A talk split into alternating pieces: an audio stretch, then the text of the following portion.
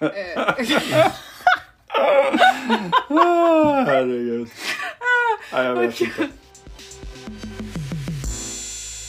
Varmt välkomna tillbaka till Regelrätt. Vi har tagit en liten teknisk paus här, eh, men under den tiden så har det ju skett två stora nyheter som vi ändå måste berätta om. Och den första är ju, har du hört det Robert, att Iopa också har släppt en podd. Eh, jag har hört det Caroline. Eh, Av mig. väldigt spännande. Av dig, precis.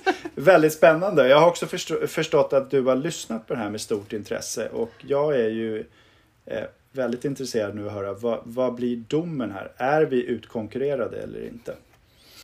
Eh, jag är jävig, eh, men den första, det första poddavsnittet i Iopas podd är en intervju med deras eh, tidigare eh, generaldirektör. Eh, och han pratar lite om eh, sina visioner och sina väldigt höga ambitioner för eh, eh, Iopa. Och de har vi ju sett realiseras i långa rapporter som vi inte kan gå ett enda avsnitt utan att citera ju. Eh, och det andra är ett avsnitt om pandemin och det tänkte jag att du och jag också skulle prata om med lite Iopa-inspiration i, i nästa avsnitt. Eh, en ännu större nyhet är ju att vi har gjort en Alex och Sigge eftersom en av oss har flyttat till USA. Pre- precis Caroline. Jag har ju flyttat till USA och, och, och, och det är ju för att lansera podden i USA såklart eftersom den har blivit så stor. Eh, nej men Carol, så, så här, Alex och Sigge. Jag ska vara ärlig, jag vet faktiskt inte vilka Alex och Sigge är Caroline. Oh, Robert, alltså du är lite för ung för att vara en boomer känner jag. Men vi kan väl koncentrera oss på effekten av att du har flyttat till USA istället och det är ju egentligen bara att ljudet kanske blir lite mindre crisp. Du och jag däremot, vi är ju krispigare än någonsin, eller hur? Vi är verkligen krispigare än, än någonsin och eh, vi konstaterar då, jag, jag, jag förstod dig så Caroline, att Iopa-podden blir helt enkelt ett komplement till vår podd framåt. Helt rätt uppfattat, det var precis det Ja, jag sa. bra. Härligt. Men du, eh, för att eh, göra en helt obefintlig segway in till dagens ämne, vad säger du när jag säger intressekonflikter? Intressekonflikter, då säger jag eh, väldigt, väldigt spännande, väldigt, väldigt aktuellt, väldigt, väldigt viktigt. Eh, men förutom att säga det, som vi kanske säger om allting vi talar som är regulatoriskt, va? Visst är det så? Så kan, man, så kan man faktiskt uttrycka det lite mer målande som en herre som heter Eh, Carlo Di Florio, om jag uttalar det korrekt, på den amerikanska tillsynsmyndigheten gjorde om intressekonflikter. Och han sa att intressekonflikter är som virus som hotar hela organisationens välmående. Och inte bara det, utan de här virusen kommer då i ett antal konstant muterande former som om de inte elimineras eller neutraliseras så kan även det enklaste virus utgöra ett dö- dödligt hot för organisationen. Det låter eh, nästan som att han pratar om covid, men framförallt som att han är väldigt dramatisk. Eh, är det så här dramatiskt med intressekonflikter? Ja, men det är ju väldigt dramatiskt. Det är faktiskt det är en ganska målande bild tycker jag. Kanske lite dramatiserad sådär. Men nej, men det är kanske inte så dramatiskt. Men det är ju som jag sa, det är väldigt viktigt. Och, eh, och framförallt då hela tiden aktuellt. För att om du kollar till exempel på FIs, den som nu gillar att läsa FIs sanktionsbeslut, som vi ju ibland gör, så kan man se att intressekonflikter är nästan alltid en del av dem. Det finns alltid problem med intressekonflikter hos, hos företagen. Så är det. Just det. Jag tänker när du säger intressekonflikter på något helt annat, nämligen på mitt stora och enda sportintresse konståkning.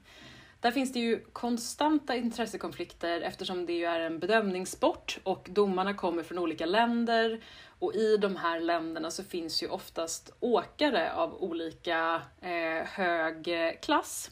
Och då är det ett så otroligt starkt incitament ofta för domarna att sätta högre poäng på en åkare från det egna landet alternativt någon som vars sida man var på i kalla kriget eller liknande.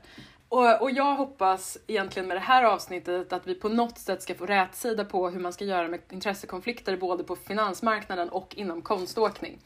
Eh, så vad säger du, ska vi köra igång vår regulations jingle och bara dra, dra av det här? Vi kör! Regulation. Business. Regulations. International. GDPR.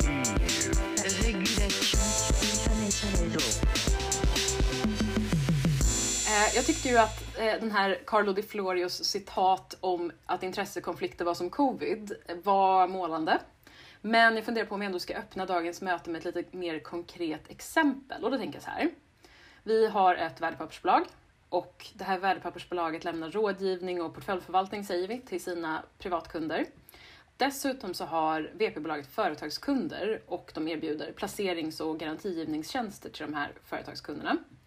Eh, som om inte det var nog så finns det även i koncernen en bank och banken har lämnat krediter till eh, flera av VP-bolagets företagskunder. Robert, vad säger juryn? Vilka intressekonflikter exponeras vi för här? Vi exponeras eh, för ett antal intresse, eller ett antal potentiella intressekonflikter här.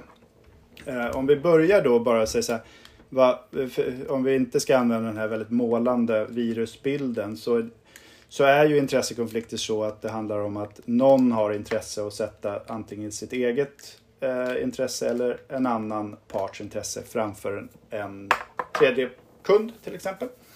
Eh, och eh, i det här scenariot du målar upp Caroline så har vi såklart den, den allra vanligaste intressekonflikten. Det är att det här värdepappersbolaget kan ha incitament eller intresse av att eh, rekommendera eh, en viss produkt framför en annan produkt för att de tjänar mer pengar på det. En så kallad klassiker. Och den, den kan man höra mer om i vårt avsnitt om ersättningar också.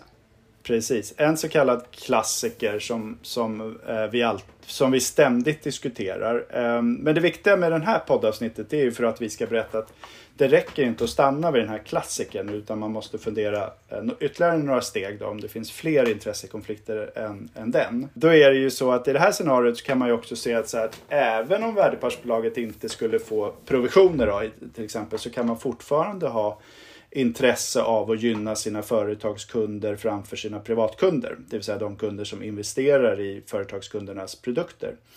Eh, och Eh, det kan också leda till överförsäljning, det vill säga att man rekommenderar de här företagskundernas produkter till, till privatkunderna även om de inte är lämpliga. Och det kanske man gör för att eh, företagskunderna anses eh, helt enkelt viktigare eller mer lönsamma än privat, privatkunderna. Så det behöver man fundera över eh, och om det finns en sån situation. Eh, det kan också vara så att eh, det här värdepappersbolaget har ett intresse av att gynna en företagskund framför en annan företagskund.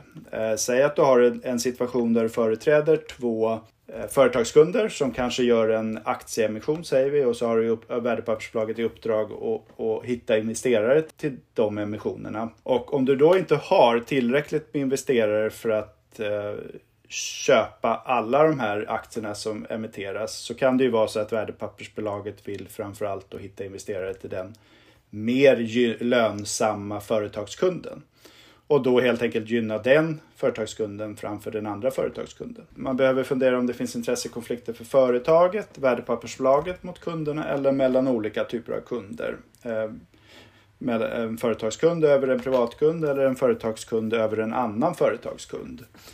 Och för att göra det här än mer lite komplicerat då, så eh, i det scenario jag målade upp precis så kan det ju vara så att värdepappersbolaget också har i uppdrag att prissätta de här produkterna som, som ska emitteras och säljas till privatkunder. Eh, skulle kunna tänka till exempel vara om det emitterar aktier som inte har ett publikt pris. Eh, då kan det finnas incitament för värdepappersbolaget att eh, antingen underprissätta dem eller överprissätta dem beroende på vilken kund man vill gynna. Så att om du vill gynna företagskunden så kan du sätta ett lite högre pris eller du får incitament att göra det i alla fall. Eh, till nackdel då för privatkunderna som ska köpa de här produkterna. Och tvärtom om du vill gynna dina privatkunder så finns det incitament att underprissätta produkten eh, till nackdel för företagskunderna. Mm. Nu blev jag lite inspirerad när vi pratar om och spekulerar i olika intressekonflikter som skulle kunna uppkomma här och jag tänker att det skulle ju också kunna vara så att VP-bolaget kan gynna sig själv eller något närstående bolag genom att underprissätta instrumenten och sen ta dem i egen bok. Och som om inte det var nog så kan man tänka sig att VP-bolaget också gynnar banken genom att sälja de här produkterna även om företagen har dålig ekonomi så att de sen kan återbetala lån till banken. Mm. Precis, och det illustrerar att, att det räcker inte att stanna bara och se vilka intressekonflikter som finns i sitt eget företag utan behöver fundera då även på koncernintressekonflikter. Eh, det här är ju redan lite av en soppa. Kan inte du berätta för våra hängivna lyssnare vad regelmakarna har för förväntningar då på företagen? Regelmakarna har ju väldigt mycket förväntningar och den övergripande förväntningen de har det är ju att företagen, de reglerade företagen alltid ska sätta sina kunders intressen först. Och vi menar väl att om man har ohanterade intressekonflikter så är det kanske inte möjligt att sätta sina kunders intresse först. Det är precis det som inte händer kanske om man sätter någon annans intressen först. Precis, men, eh, men de stannar ju inte vid att göra de här mer svepande uttalandena om intressekonflikter utan det finns ju också liksom specifika aktiviteter, åtgärder som, som företagen måste vidta då i både Mifid 2 och IDD till exempel. Eh, och det första, mer liksom strukturella, är att man ska ha så kallade organisatoriska förfaranden. Men just organisatoriska förfaranden är svårt att säga eh, med eh, bibehållen publik. Så att eh, man kan väl förklara det som att man ska ha en form av struktur eh, med eh, åtgärder som man helt enkelt sätter eh, för ett företags eh, eh, verksamhet och varande. Och, och därmed tillse då att kundernas intressen inte ska påverkas negativt av intressekonflikter. Det kan handla om ersättningsstrukturer eller hur man begränsar informationsutbyte mellan avdelningar eller ja, den typen av, av arrangemang då. Eh, och sen ska man också löpande identifiera vilka intressekonflikter som finns i verksamheten som är av mer specifik natur. Eh, till exempel om det är en viss typ av provision som orsakar en intressekonflikt eller kan göra det och så vidare. Eh, och sen ska man givetvis ha riktlinjer för intressekonflikter. Eh, det svåraste momentet här i lagstiftningen tycker jag är det som handlar om att om man har gått så långt man har kunnat och eh, försökt förhindra eller neutralisera en intressekonflikt men inte nått hela vägen fram utan det finns fortfarande en viss intressekonflikt kvar. Då står det att man som en absolut sista utväg kan informera kunderna, kunderna om de här intressekonflikterna.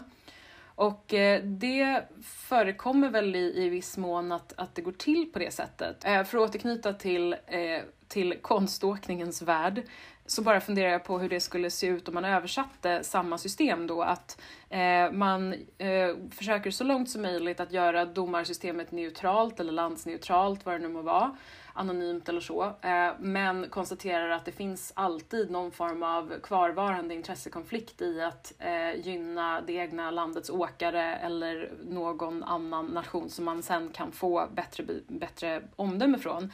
Eh, om man skulle berätta för alla i sporten att det är så här det går till och att man åker som konståkare med den medvetenheten så tror inte jag att det hade tagits emot med öppna armar av konståkningsnationen heller. Och jag undrar om det gör det i den praktiska finans, på den praktiska finansmarknaden? Det är en väldigt intressant fråga. Det, det har ju historiskt sett så tror jag man informerade mer om, eller tidigare om intressekonflikter. Man, man helt enkelt tyckte att det fanns en möjlighet att kanske inte vidta åtgärder för att förhindra eh, att intressekonflikter skadade kundernas intresse så länge man berättade att de fanns. Eh, det har ju stärkts nu i de nya regelverken där man ganska tydligt uttrycker att information till kunderna är det absolut sista steget. Du måste ha vidtagit, jag tror att det står alla rimliga åtgärder, vad nu det innebär så att säga. Och eh, Sen är det väl lite så som det kanske skulle vara i, i din konståkningsvärld också. att Okej, okay, om du får den här informationen, tar du den till dig? Tar de här konståkarna den till sig eller vill de bara åka och sen så får vi se vem som vinner ändå? Informera ska man göra, men det är absolut sista steget. Eh, man måste ha vidtagit så mycket åtgärder så att du inte egentligen har något mer att vidta. Och sen eh, sist men inte minst, naturligtvis så ska man ju dokumentera intressekonflikter som eh, uppkommer eller kan uppkomma och vad man har vidtagit för åtgärder för att hantera dem. Därför att inget avsnitt av regelrätt utan att vi nämner att man ska dokumentera någonting. Eh, och sen när det gäller de- de här olika momenten jag precis beskrev då så kan vi väl i och för sig lägga till att de här uttryckliga reglerna inom ramen för IDD, de gäller ju bara för IBIPs, alltså försäkringsbaserade investeringsprodukter. Men som vanligt, och lite för att återknyta till vad du sa, ehm, kan man någonsin tillvarata en kunds intresse om man inte har hanterat sina intressekonflikter? För i så fall kanske man inte kan uppfylla den generella omsorgsplikten ändå. Eh, och då borde ju det här vara tillämpligt även på så att säga vanliga försäkringar, icke IBIPs. Precis, jag, jag tror att du har helt rätt. Jag tror det, går knappast att um, sätta sina kunders intressen först, det vill säga visa omsorg om dem, om man inte hanterar sina intressekonflikter. Det, det borde vara nära på omöjligt, va? Är det inte så? Men du, om vi backar bandet en stund då. Då undrar jag hur företagen ska göra för att identifiera intressekonflikterna med tanke på att det känns som det mest kritiska steget här. Mm, precis, det, det är nog det mest alltså två, egentligen två kritiska steg förutom att man gör det som lagstiftaren alltid säger att man ska göra, det vill säga ha en intern policy eller riktlinje för hur man jobbar med sånt här. Så, så är det just identifiera intressekonflikterna och även då såklart vidta åtgärder som är effektiva. Och det här med identifiera intressekonflikter, det tror jag eh, många företag har haft lite problem med historiskt i alla fall genom att man har eh, man kanske har beskrivit i sin policy hur man teoretiskt identifierar intressekonflikter, lite sådär svepande. Eh, och sen eh, lagt över på, på en compliance-funktion eller en jurist, juristfunktion att, att, att, ehm, att göra det. Eh, jag menar ju att det här är ett mycket större arbete där man behöver egentligen involvera många fler delar av verksamheten för att veta vilka intressekonflikter man har, vilka incitament som finns. Vi såg ju på vårt exempel vi, vi tog, drog igenom att eh, det fanns väldigt många olika typer av intressekonflikter och för att hitta alla de där så behöver du jobba brett i organisationen. Du behöver ta med affärs affärsdelarna som vet vilka incitament som finns. Eh, Att gynna en, en, en, sig själv eller en kund över en annan. Så Robert, det du säger är att det finns ingen magisk metod utan man måste gå igenom hela verksamheten. Ja, precis. Det, det, det, det finns ingen magisk metod och du behöver jobba både eh, brett och djupt i organisationen med det här. Ja, precis. Och jag menar, en, eh, en anledning till att man måste inkludera hela verksamheten är ju också att intressekonflikter kan uppstå på så många nivåer, inte bara mellan kunden och företaget som helhet, utan också i förhållande till ägare eller ledningen i företaget och specifika anställda eller uppdragstagare. Och dessutom kan det uppstå intressekonflikter mellan en kund och en annan kund, precis som vi såg i företags visavi privatkundsexemplet här precis. Ja, idag så har vi gjort vårt allra, allra bästa för att inte mörda med det här ämnet. Eh, och jag tror att eh, sammanfattningen kommer att bli kort och kärnfull, nämligen att företagen förväntas hålla koll på intressekonflikter. Och att hålla koll det gör man genom att hela tiden analysera vilka intressekonflikter som man har egentligen i alla tänkbara dimensioner som kan drabba en kund negativt. Då. Och sen att man upprättar en struktur för att så långt som möjligt förhindra konflikter eller neutralisera dem eller i sista hand hantera dem så långt det går och sen informera om dem. Jag vet inte med dig Robert, men jag tror så här. Att om man jobbar metodiskt och vaket för att motverka intressekonflikter så tror jag att företagen ändå kan uppfylla vad lagstiftaren har för förväntningar här. Och jag tror kanske också att det finns ett litet hopp även för konståkningssporten. Jag tror såklart att du har alldeles rätt som vanligt Caroline. Eh, I vart fall för finansvärlden. Konståkningsvärlden eh, är jag mer osäker på om den någonsin kommer bli rättvis Caroline. Men jag tror det. Lägg, lägger man resurser på att faktiskt identifiera de intressekonflikter man har och sen funderar långt och länge på att man också vidtar åtgärder som, som motverkar att någon kund eh, drabbas av intressekonflikterna så kommer man komma ganska långt. Det är jag säker på. Då börjar det bli dags att eh, tacka för den här gången. Så tack till dig Robert, tack till USA. Tack Caroline.